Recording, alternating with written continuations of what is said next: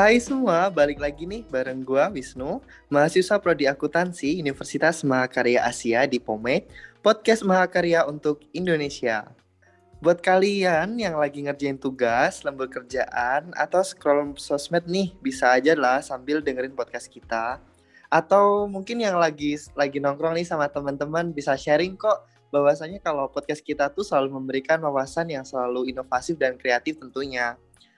Nah, lagi uh, ngomongin masalah tahun baru kali ini pas nih tappingnya di awal tahun dan uh, untuk mengawali tahun ini kita mengawali sama orang yang cukup berprestasi nih. Teman-teman tahu nggak ya?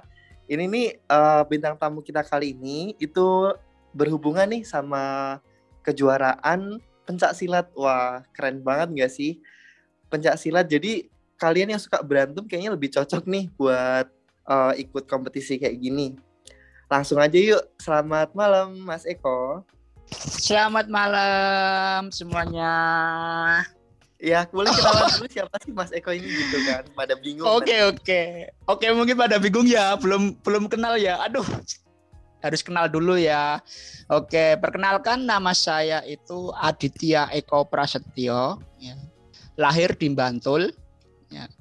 Uh, untuk tanggal bulan tahun saya rit aja ya kan. Uh, jadi alamat saya itu di Pogung Kidul nomor 15 uh, uh, tepatnya di belakang kampus FEB UGM S2. Oke, wah. Uh, kalau boleh tahu, emang kemarin habis menang apa sih mas? Atau mungkin uh, lagi ngapain sih bulan bulan Desember ya? Bulan Desember kalau nggak salah 2021 kemarin. Oh oke okay, oke. Okay. Ini langsung ke uh, pertandingannya apa dari persiapan dulu ini ya, Mas Wisnu? Wah kayaknya kalau kalau misalkan persiapannya kayaknya asik juga nih dibahas kira-kira apa aja sih yang disiapin gitu kan. Oke oke oke. Siap siap Mas Wisnu. Jadi uh, persiapan dari kami ya kan. Saya selaku ofisial sendiri persiapan dari kami itu uh, mereka itu latihan setiap hari latihan setiap hari setiap sore kadang seminggu itu uh, pernah sampai tujuh kali latihan mereka intinya dari latihan fisik latihan nendang latihan banting latihan segala macam mereka latihan. Toh walaupun latihan mereka itu sebenarnya uh, apa ya intinya uh, otodidak ya kan? Mereka apa ya mengulangi ilmu-ilmu yang sudah mereka uh, pelajari uh, semasa dulu di padepokan mereka masing-masing ya kan? Karena kan apa uh, di UKM pencak silat sendiri itu namanya juga UKM ya unit kegiatan mahasiswa ya apalagi pencak silat itu kan pencak silat itu kan uh, ada beberapa padepokan ya banyak banget lah ya. Jadi di UKM Pencaksilat sendiri itu enggak cuma satu padepokan aja.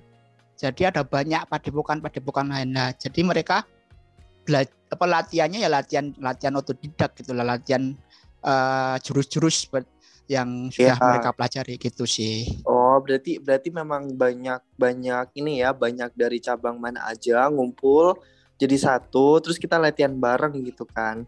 Nah, uh, dari situ kira-kira apa sih uniknya? Apa sih yang bikin unik sampai uh, menjadi satu? Terus apa itu menjadi sebuah kekuatan tersendiri sampai kemarin menjadi juara gitu? Gimana sih? Yang jadi uniknya, ya kan? Yang jadi uniknya, uh, mereka itu apa ya?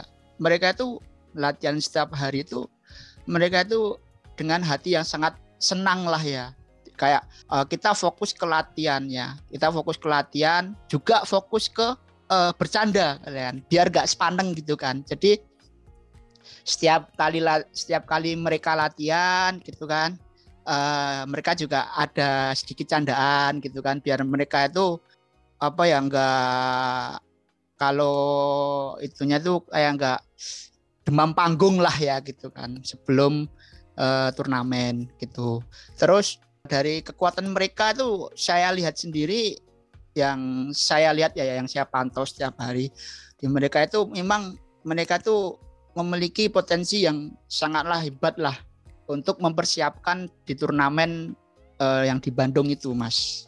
Oke, okay, berarti ya. kalau dari persiapannya memang uh, benar-benar pribadi ya. Maksudnya itu masing-masing dari mereka memang sudah punya power untuk itu gitu kan.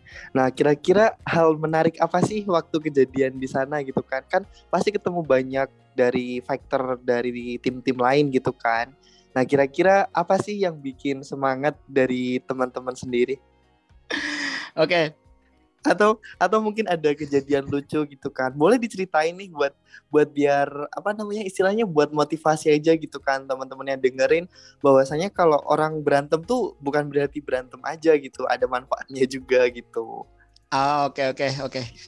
Eh, gini ya Mas ya. Uh, sedikit cerita ya ini ya. Kita kan berangkat itu tanggal 18 ya, 18 malam kita berangkat. Oke lah. Kita berangkat pakai kereta gitu kan.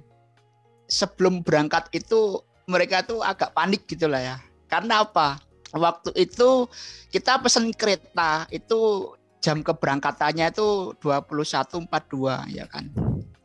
Terus udah udah persiapan dan lain sebagainya. Ternyata ternyata kita akhirnya kita berangkat itu jam 8 hampir jam 9 9 lebih lah 9 lebih itu muka-muka mereka itu udah muka-muka panik tuh waduh ini nggak kayaknya ketinggalan kereta ketinggalan kereta gitu kan. Saya juga waktu itu juga panik kan aduh ketinggalan kereta ini. Fix sebagai pak naik naik bis kan. Tapi alhamdulillah ya alhamdulillah.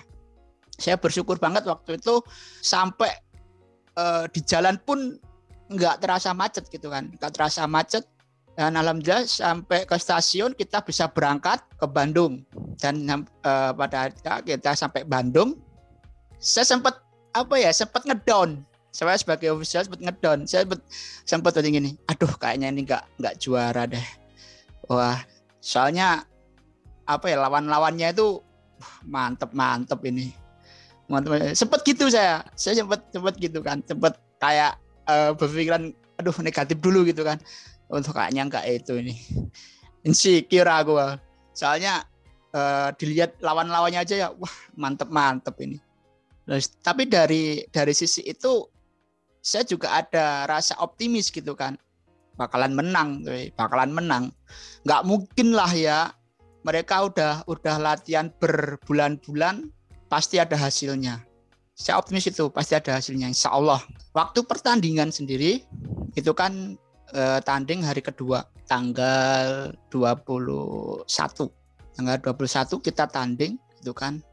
Waktu waktu di gelanggang sendiri itu kan urutan panggilannya kan ada beda gitu kan. Sesuai kelas dan sesuai berat badan juga kan. Pertama yang yang kepanggil itu Mas Chandra. Itu sempat ya Allah.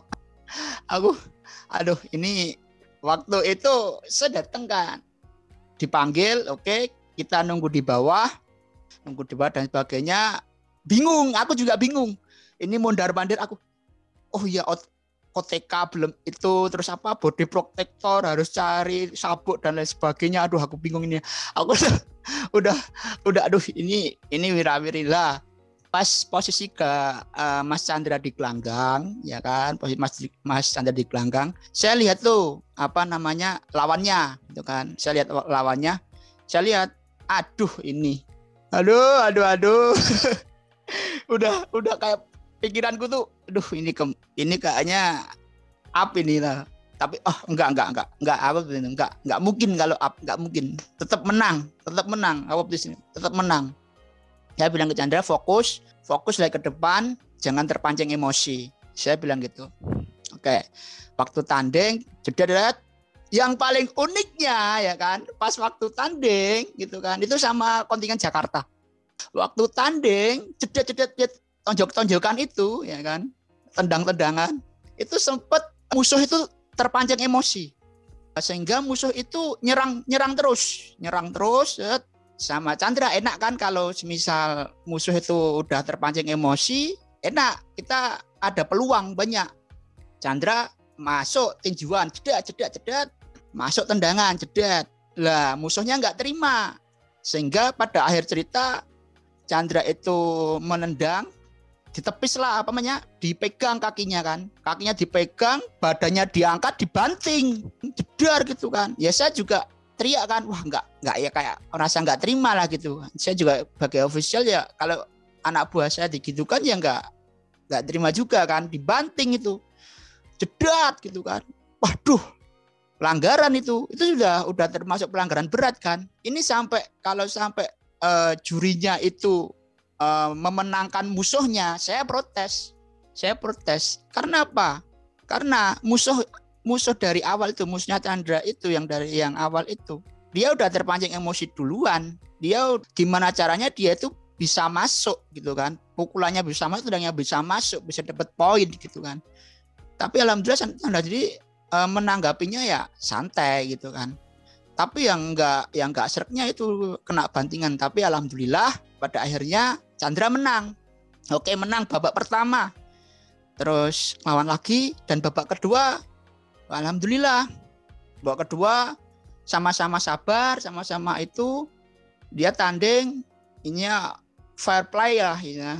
Ya eh, nggak uh, ada rasa emosi apa gimana. Yang kedua itu undead. Tapi alhamdulillah menang poin Chandra. Alhamdulillah.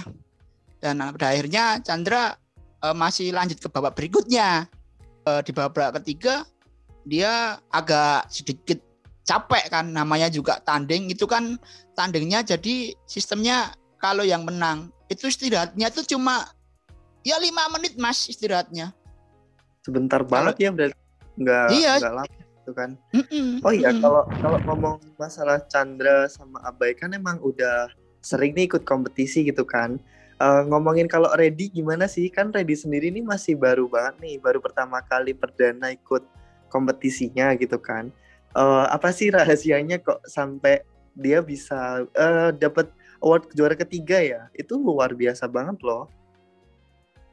Kalau untuk potensi pesilat ini ya, pesilat satu ini tuh uh, dia juga mempunyai skill yang luar biasa gitu kan, mempunyai bakat di bidang uh, pesilatan juga gitu kan, di bidang bela diri juga.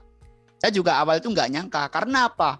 Setelah Chandra sama AB selesai, ya kan. Yang terakhir Mas eh, itu di officially bukan sama saya. Maksudnya diawasi bukan sama saya. Saya minta tolong sama uh, universitas lain atau di padepokan lain uh, karena nggak saya nggak sanggup gitu loh kayak saya nggak sanggup uh, langsung dampingi tiga tiganya ngawasi tiga tiganya saya nggak sanggup. Saya saya bukan Naruto itu kan yang bisa jurus bayangan gitu kan.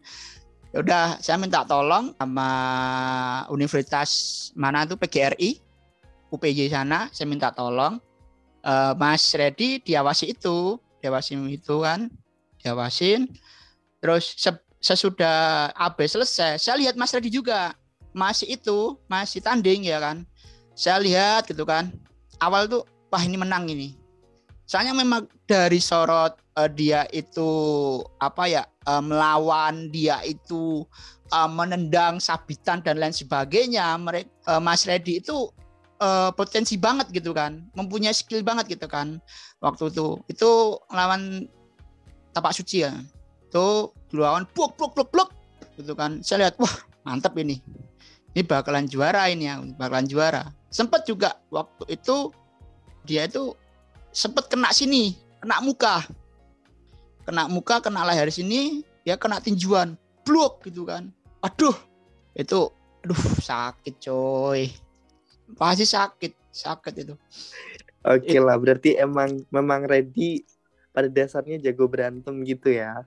Iya, mm -mm. ya walaupun walaupun gini loh Mas, apa ya, walaupun uh, dia itu uh, dilihat itu kok wah ini kayaknya gak potensi bela diri, tapi dia tuh punya skill tersendiri untuk bela diri gitu loh. Waktu di gelanggang itu keluarlah ibarat kalau bahasa Jawanya kodam, kodam.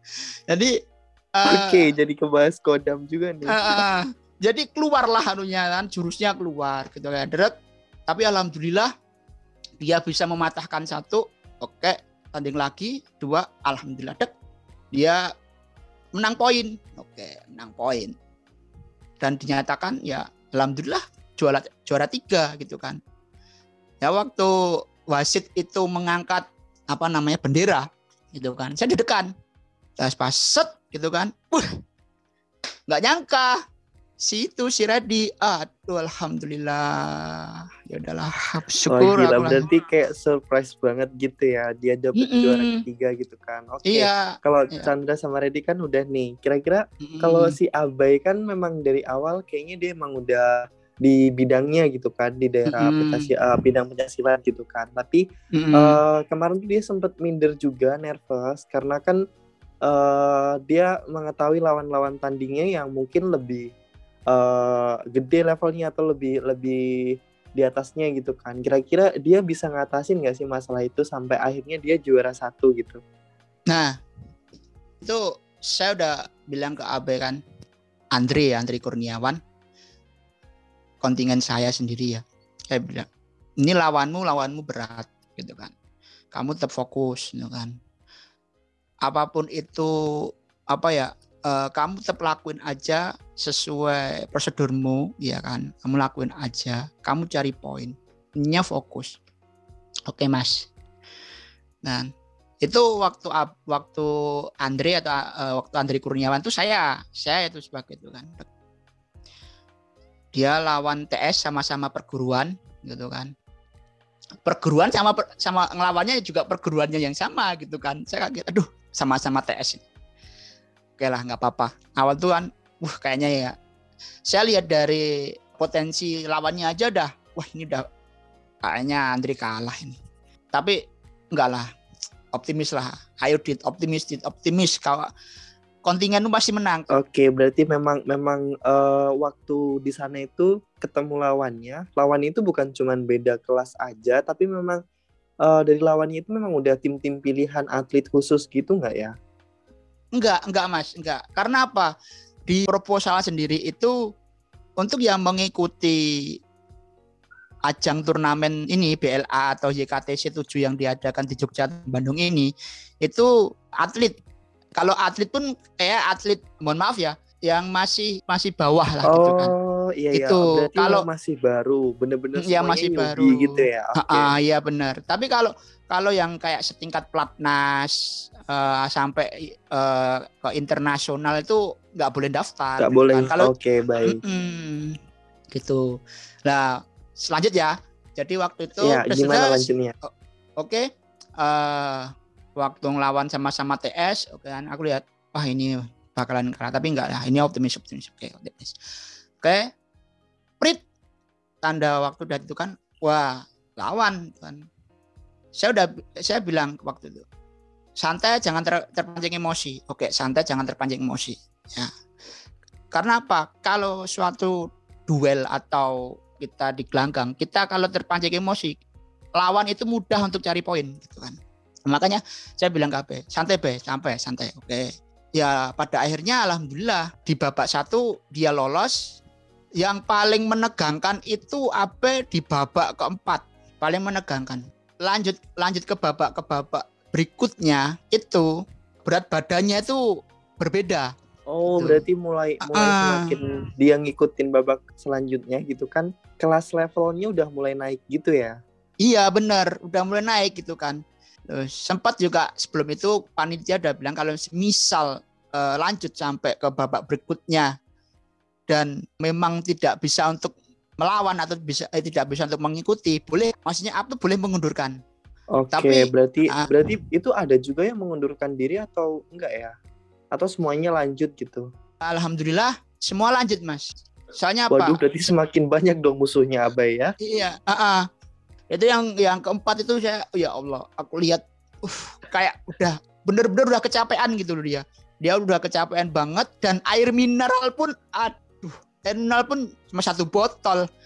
Aku bingung, aduh satu botol buat buat ber, bertiga itu kan. Tapi alhamdulillah saya sebagai official bagaimana caranya saya saya mencarikan air minum untuk atlet saya. Habis habis tanding ketiga saya saya cari-cari di situ. Sebelum tanding keempat mulai saya cari di situ. Alhamdulillah ada ada air mineral. Nggak tahu punya siapa gitu kan bekas gitu kan. Eh, tak jadi wah ada bekas ini ya kan lumayan masih ada setengah. Ya udah saya ambil kan. Saya jadikan satu. Terus saya cari lagi gitu kan. Karena apa? Kalau kalau saya tinggal ya kan. Kalau saya tinggal untuk cari air mineral ya nanti malah nggak nggak ke backup gitulah nggak nggak ke backup sama sekali. Takutnya malah nanti didis Iya ya iya kan? iya, benar-benar udah, paham, benar ah. banget tuh. Jadi memang peran official itu sangat penting gitu ya, meskipun pada dasarnya yang bertanding atletnya, tapi di belakang itu semua official itu sebenarnya sangat dibutuhkan. Kayak contohnya iya Mas Eko sendiri gitu. iya mas benar Oh ya, selain selain itu kira-kira keluh kesahnya menjadi seorang official dari para atlet bisalah diceritain juga nih Mas Eko. Oke, keluh kesahnya jadi official ya untuk teman-teman yang di rumah maupun yang ada di sekitar Jogja maupun nggak di sekitar Jogja ya. Keluh kesahnya jadi official itu memang harus berani capek. Harus berani capek, harus bertanggung jawab atas tem apa ya atlet-atletnya atau anak buahnya dan harus bisa memberi eh, masukan solusi kalau misalnya ada ada permasalahan di internal. Terus apalagi ya? Ya itu sih. Terus anu yang paling eh, agak disayangkan waktu di Gor Jatinangor di Bandung sana yang paling paling disayangkan dan paling, prihatin ya bagi saya sebagai ofisial sendiri itu fasilitasnya. Benar fasilitasnya. Kami gimana ya belak-belakan aja apa berterus terang aja ini di podcast ini ya. Jadi fasilitasnya di sana itu menurut saya itu kurang. Kenapa kurang? Kita aja cari apa ya namanya ya cari colokan. Cari colokan untuk ngecas aja ya untuk ngecas HP aja harus ya Allah. Susah. Sumpah susah. Susah itu. Cari colokan aja kita susah. Colokan satu aja udah udah dipakai satu RT ya udah hanya mau nggak mau saya sebagai ofisial ya mencarikan biar para atlet itu santai gitu kan. Biar mereka tuh fokus aja ke apa ya ke pertandingan gitu kan biar yang ofisial aja yang capek gitu kan akhirnya saya Oke, carikan fine. jajasan Eh, gitu berarti memang eh, seorang official tuh bukan cuma ngurusin gimana administrasi pertandingan, tapi juga ngurusin Ya. nih gimana performa dari para atletnya juga gitu ya. Nah, kalau kesahnya pastinya ya capek, capek lah gitu kan. Nah, terus termasuk fasilitas dari eh, tempatnya itu juga harus ngedukung atau enggak itu bukan urusan kita juga sih sebenarnya gitu kan. Tapi ya ini udah udah menurut aku keren banget sih Mas Eko ya udah bisa menghandle, bisa bisa mendampingi sampai sejauh ini bahkan apa namanya sampai rela nyari-nyariin charger cuman untuk atletnya biar relax gitu. Kira-kira apa sih yang mau disampaikan buat teman-teman di sana nih? yang ingin saya sampaikan untuk teman-teman di luar sana tetaplah berprestasi mumpung kalian masih muda biar masa tua kalian itu tidak sia-sia apa pun bakatmu itu teruslah kalian gali entah itu bakat kalian itu di bidang eh, pencak silat bidang kuliner bidang musik bidang akuntansi bidang apa pun itu kalian tekuni aja. Kalian berkomitmen di bidang itu insya Allah akan menghasilkan cuan atau menghasilkan eh, uang. Itu sih dari saya sebagai ofisial. Kalau kita hobi dalam satu bidang itu, maka kita akan mempunyai rasa kepuasan atau kesenangan tersendiri. Oke, wah mantep tuh. Makasih Bu Mas Eko udah eh, nemenin kita di episode kali ini. Thanks banget buat waktunya ya. Iya Nah, mas, tujuan- sama-sama. Wah ini Oke. kayak kurang lama deh ya. Kalau misal lama mas agak. Iya santai aja ya, tenang aja nanti pasti bisa ada waktu lain buat sharing gitu kan. Nah buat Oke, teman-teman oke. yang sebagai atlet ataupun pemain eh, apa pun di luar sana boleh banget tuh eh, bahwasannya official itu tidak bisa untuk disepelekan ya meskipun perannya tidak terlalu aktif di lapangan, tetapi beliau sangat aktif di bidang administrasi atau di belakang dari teman-teman semua. Nah, sekian dulu pembahasan podcast kita kali ini. Semoga menjadi hiburan yang menarik dan menambah wawasan buat bro and sis yang sedang mendengarkan nih. Jangan lupa juga ikuti episode podcast kita di Spotify, Google Podcast, dan platform lainnya hanya di Pomet, Podcast Mahakarya untuk Indonesia. Jangan lupa juga ikuti kami di Instagram at mahakarya.asia. Sampai jumpa lagi di next episode ya.